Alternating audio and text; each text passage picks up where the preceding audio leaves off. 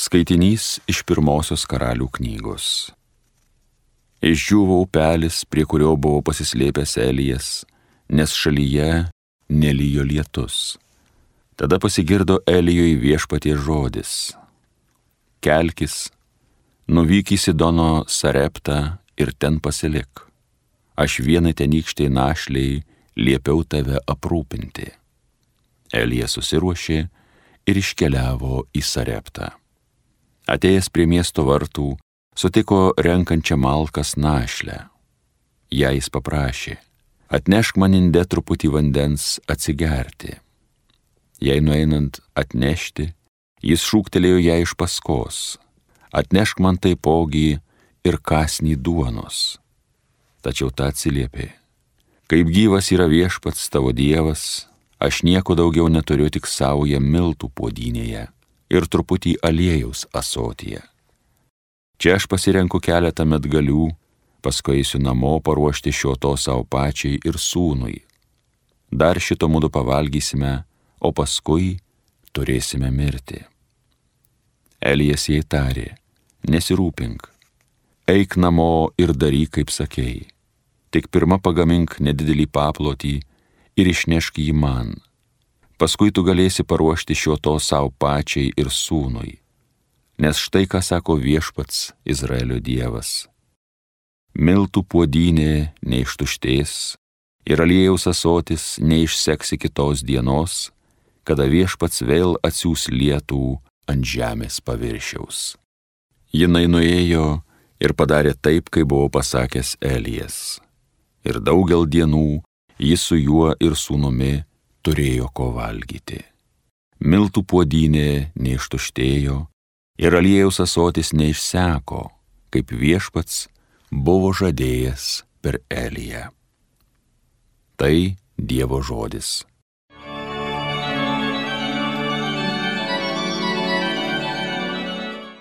Žerkiant mūsų tu viešpatie savo veido palaimingąją šviesą Kai šaukiuosi tavęs, atsiliepkio, Dieve, mano teisės gynėjau.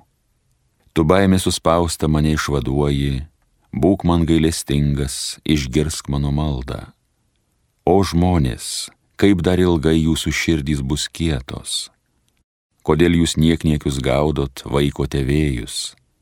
Žerkiant mūsų tu viešpatie savo veido palaimingąją šviesą. Žinokite, Viešpats savo bičiuliui stebuklą padaro. Viešpats išgirsta, kai jo imu šauktis. Sudrebėkite, piktaliaukitės darę, širdimi pasvarstykit, savo gultuose pamastykit nutilę. Žerkiant mūsų tu viešpatie savo veido palaimingąją šviesą.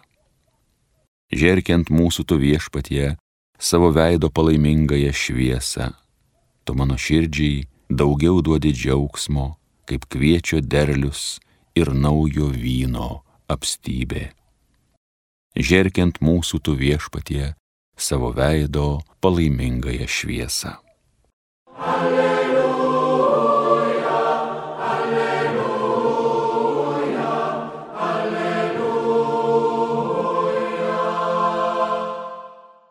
Taip te šviečia jūsų šviesa žmonių akivaizdoje kad jie matytų jūsų gerus darbus ir šlovintų jūsų tėvą danguje. Alleluja, alleluja, alleluja.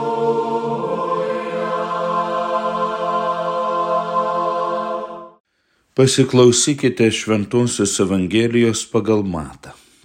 Jėzus kalbėjo savo mokiniams. Jūs žemės druska. Jei druska nustotų surumo, kuogi ją reikėtų pasūdyti? Ji niekam netinka ir belieka ją išberti žmonėms sumindžioti. Jūs pasaulio šviesa. Neįmanoma nuslėpti miesto, kuris pastatytas ant kalno.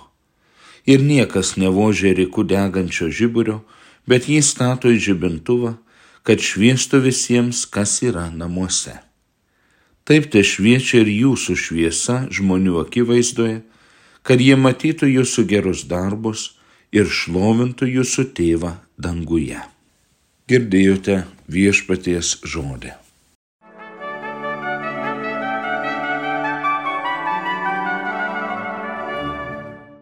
Jėzus kalbėjo savo mokiniams. O kas yra Jėzaus mokiniai šiandien? Viskupai, kunigai, diekonai, seminaristai, vienuoliai ir vienuolės, teologijos studentai, kurijų darbuotojai. Ar tik jie yra Jėzaus mokiniai? O visi kiti pakrikštytieji kas yra? Ne mokiniai?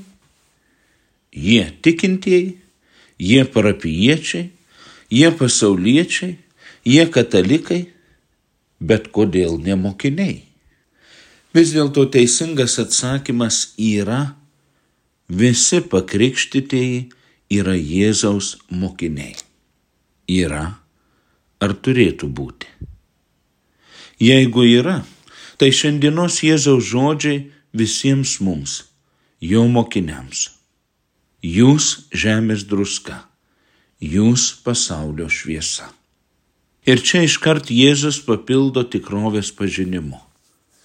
Jeigu druska nustotų surumo ir niekas nevožė riku degančio žiburio. Pasirodo viešpats Jėzus supranta, kad tarp jo sekėjų, jo mokinių, tarp mūsų gali pasitaikyti ir surumą praradusios druskos. Kristus Jėzus žino, kad tarp jo mokinių, jį tikinčiųjų, bus tokių, kurie savo tikėjimą slėps nuo kitų, kaip žibinto šviesą, po baimės, gėdos, prisitaikėliškumo, drungnumo, formalizmo ryko. Jėzaus mokiniai turi turėti skonį, drusko skonį, prakaito, pastangų, darbo skonį, nes mokinystė yra ne dar vienas pavadinimas ar titulas socialinių vaidmenų sąraše, bet egzistencinis visą žmogų ir jo veikimą apimantis pasirinkimas, kuris mažų mažiausiai kainuoja ir laiko, ir sveikatos, ir jėgų, ir laisvės. Jėzaus mokiniai turi šviesti žmonėse, kad matydami jų gerus darbus žmonės šlovintų ne juos, o jų tikimą Dievą Tėvą danguje. Tas taip pat nėra lengva. Tikėjimo ir artimo meilės praktikoje nešviesti save, bet mūsų sukūrusi ir įvairiomis galimybėmis bei gabumais geriems darbams apdovanojusi Dievą.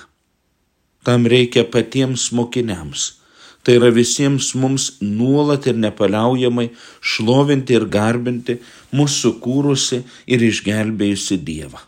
Nuolat maldoje, Euharistijos šventime, dvasios dovanų panaudojime bendram, o ne asmeniniam labui, šlovinti ir dėkoti mus mylinti Dievą.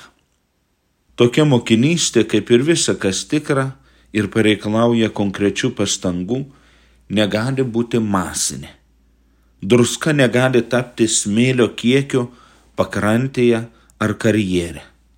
Negali tapti prekybos centro salės ar soliarimo šviesa.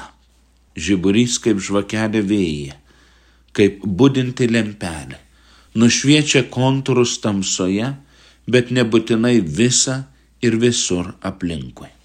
Mokinystė nelengvas, bet ilgai neapdovanojantis pasirinkimas, kurį išpildome kaip viskupai, kunigai, diekonai, Benuoliai ir vienuolės, seminaristai, teologijos studentai, kurijų darbuotojai, parapiečiai, pasauliečiai, katalikai, tikintieji.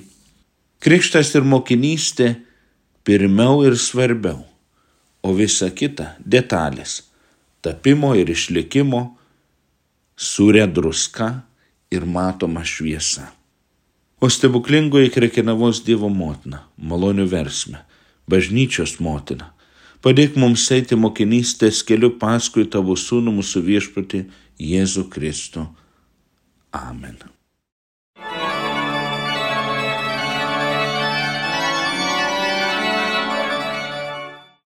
Homilija sakė teologijos mokslo daktaras kunigas Gediminas Jankūnas.